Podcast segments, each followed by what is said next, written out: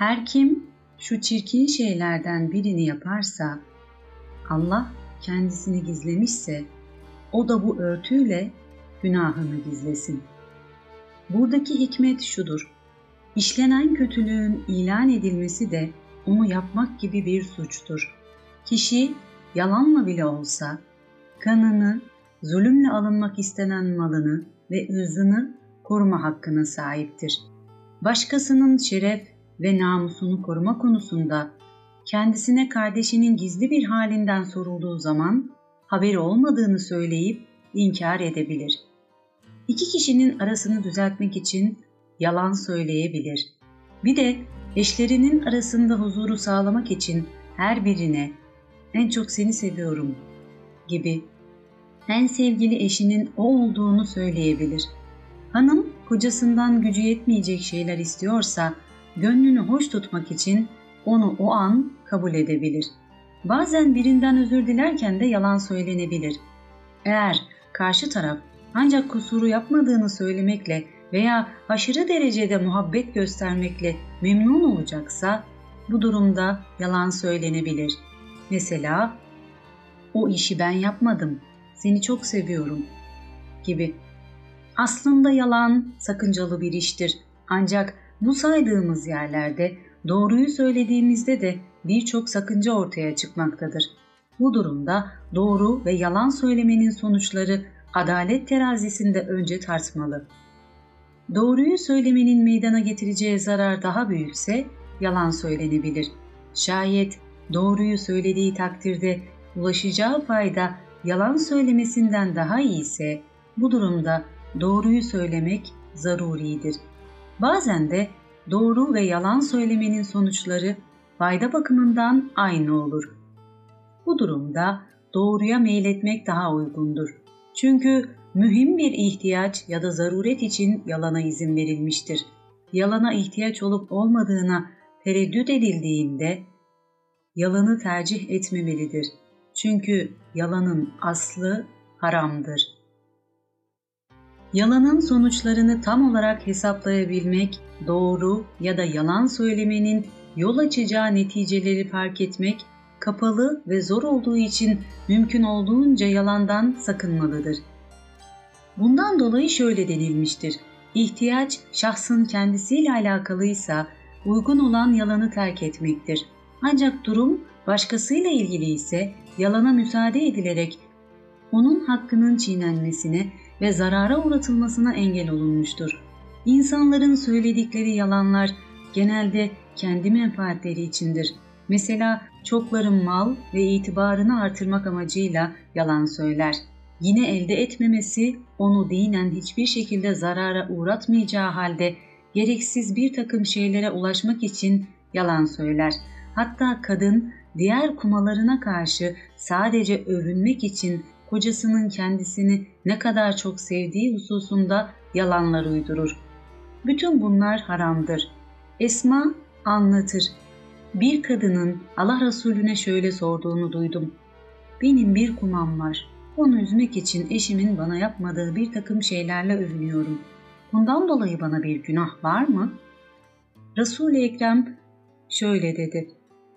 Bir şey verilmediği halde kendisini doymuş gösteren kimse iki kere yalan söylemiş olur. Başka bir hadiste şöyledir.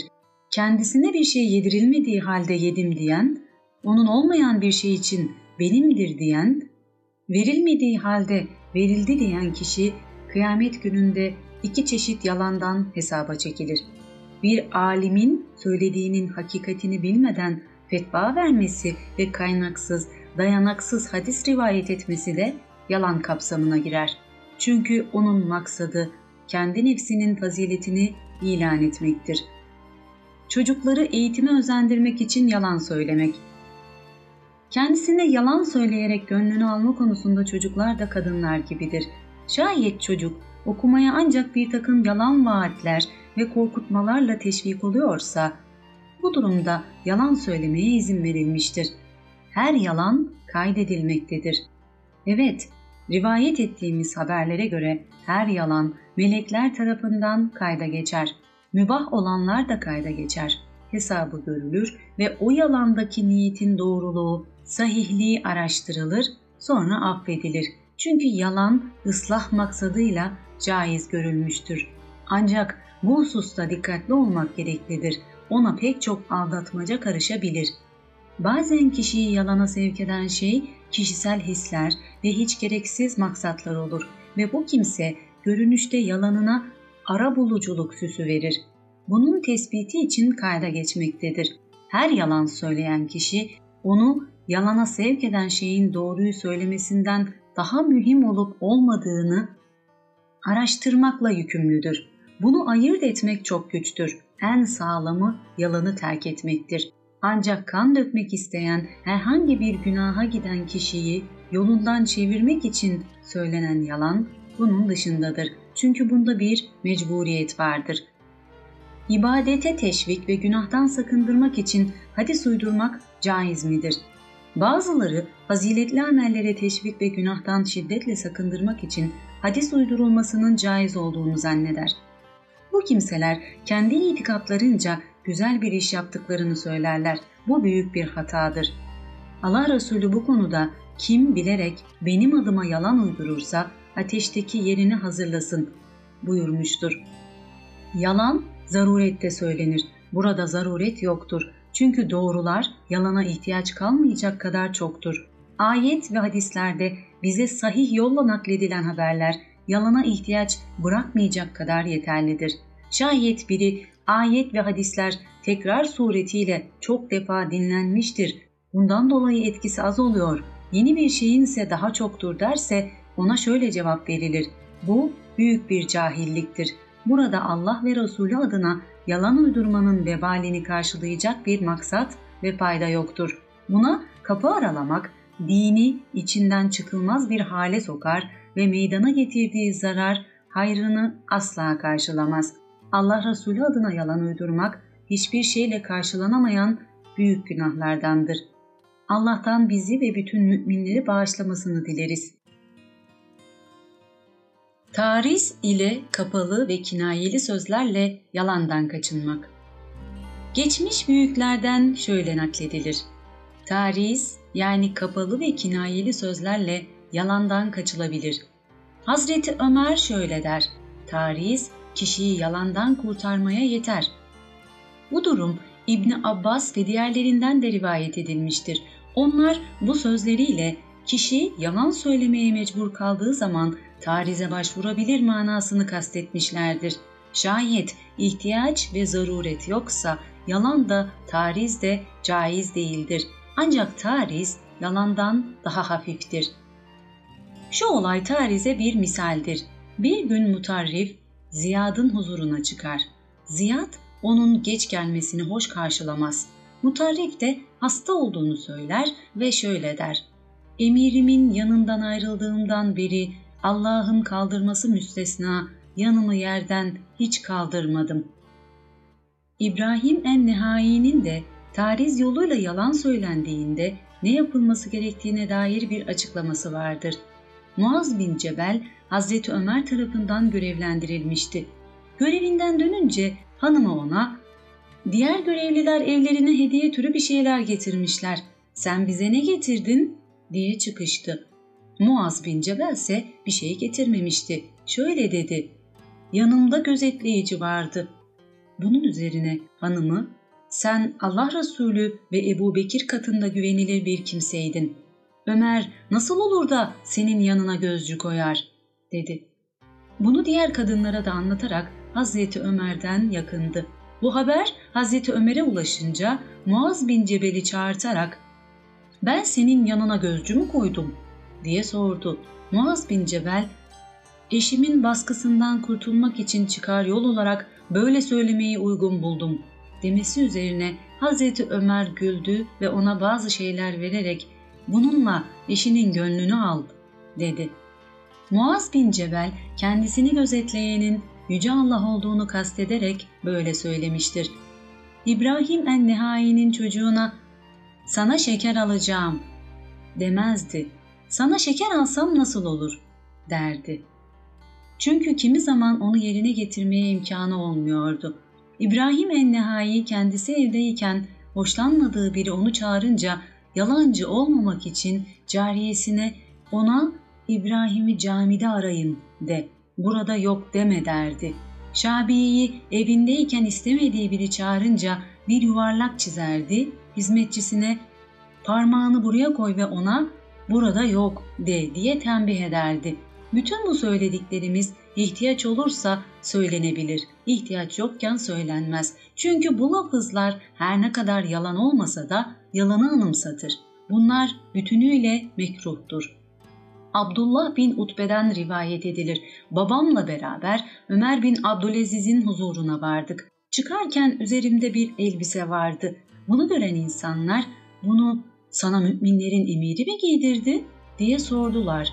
Ben de Allah müminlerin emirini hayırla mükafatlandırsın dedim. Bunun üzerine babam beni uyardı ve ey oğlum yalandan ve ona benzer ifadelerden kaçın dedi. Görüldüğü gibi Utbe oğlunu böyle söylemekten men etmiştir. Çünkü böylece sırf övünme gayesiyle yalan bir bilgi onların hafızasına yerleşecektir. Bu ise faydasız, boş bir gayedir. Evet, başkasının gönlünü hoş etmek gibi basit şekilde tarizler yapılabilir. Bazı kimselerin bu kadın seninle evlenmek istiyor diyerek insanları aldatması bu türdendir.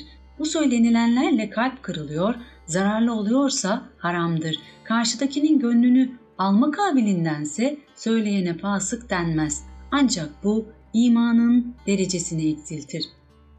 Kişi kendisi için istediğini kardeşi için de istemedikçe ve şakasında dahi yalandan kaçınmadıkça imanı kamil olmaz. Muhakkak bir adam yanında oturanları güldürmek için bir kelime konuşur. O kelimesi sebebiyle Süreyya yıldızından daha uzak mesafede ateşe düşer. Hadisiyle bir Müslümanın gıybeti yapılan ya da kalp kıran şakaları kastedilmiştir. Hadiste incinme ya da gıybet olmayan şakalar kastedilmemiştir. Günah olmayan ve normal karşılanan yalan konuşmalardan biri de mübalağa için kullanılan sözlerdir. Seni şu kadar aradım. Şunu sana yüz defa söyledim demek gibi. Bu sözlerle sayı değil, mübalağa kastedilmiştir. Ancak adamın araması bir defa olmuşsa yalancı olur. Birkaç defa olmuş da sayısı bilinmezse her ne kadar yüze ulaşılmamışsa da yüz defa demekle günaha girmez. Gerçek yalanla yalan olmayan arasında dereceler vardır. Dilini serbest bırakan yalanın tehlikesine düşer. İnsanların yalanı kolayca söyleyip adet edindikleri yerlerden biri de buyur yemek ye sözüne karşı iştahı olduğu halde iştahım yok diye karşılık vermesidir. Sahih bir amaç içermediği müddetçe böyle söylemek haramdır. Mücahit anlatır. Esma bin Umeys şöyle demiştir. Hazreti Ayşe gelin olduğunda onu Allah Resulü'nün odasına ben koydum. Benimle beraber bazı kadınlar da vardı. Resul-i Ekrem'in yanında hediye olarak bir bardak sütten başka bir şeyi yoktu. Ondan biraz içip Ayşe'ye uzattı. Ayşe ise utanıp içmedi. Ben ona Allah Resulü'nün elini geri çevirme, al dedim. Bunun üzerine utanarak onu aldı ve içti. Sonra Resulullah ona arkadaşlarına da ver buyurdu. Kadınlar iştahımız yok dediler. Allah Resulü buna karşılık açlıkla yalanı bir araya toplamayın buyurdu. Ey Allah'ın Resulü bizden biri iştahı varken canım istemiyor dese bu yalan sayılır mı diye sordum. Allah Resulü cevaben yalan yalan olarak yazılır. Hatta yalancık dahi yalancık olarak yazılır. Gerçek takva sahibi salihler izin verilen yalandan bile kaçınırlardı. Said bin Müseyyib'in iki gözü hastalıktan çapaklanmıştı. Öyle ki çapak gözünün dışına taşmıştı. Kendisine gözlerini silsene denildiğinde nasıl sileyim? Doktor gözlerine dokunma dedi. Ben de dokunmam dedim demiştir. Gözüne elini değdirdiğinde yalancı olacağından korkmuştur. Takva sahiplerinin hassasiyeti böyledir. Böyle hassasiyeti terk edenin dili kontrolden çıkar. Yalana kolayca bulaşır. Bu kimse yalan söyler de farkına bile varmaz. Havvat et Teymi der ki Rebi bin Haysem'in kız kardeşi Rebi'nin hasta olan oğlunu ziyarete geldi. Çocuğun üzerine kapandı ve ''Oğlum nasılsın?'' dedi. Rebi oturdu ve kız kardeşine ''Onu emzirmiş miydin?'' diye sordu. Kardeşi ''Hayır'' demesi üzerine Rebi ''O halde ey kardeşimin oğlu deseydin de doğru söylemiş olsaydın ne olurdu?'' dedi. Kişi bir meselenin öyle olmadığını bildiği halde Allah biliyor ki öyledir demesi çok yaygındır. Bu konuda Hazreti İsa şöyle demiştir. İnsanın öyle olmadığını bildiği halde Allah biliyor ki öyledir demesi en büyük günahlardandır. Bazen kişi rüyasını anlatırken yalan söyler. Bundaki günah da çok büyüktür. Bu konuda Allah Resulü şu uyarıyı yapmıştır. Kişiyi babasından başkasına nispet etmek, rüyada görmediği şeyi görmüş gibi göstermek ve benim söylemediğimi bana isnat etmek en büyük günahlardandır. Rüya uyduran kişi kıyamet günü iki arpa tanesini birbirine bağlamakla görevlendirilir ve bunu hiçbir zaman başaramaz. Rahmet ayından damlalar serimizin yalan konuşmak mevzusunu nihayet tamamladık.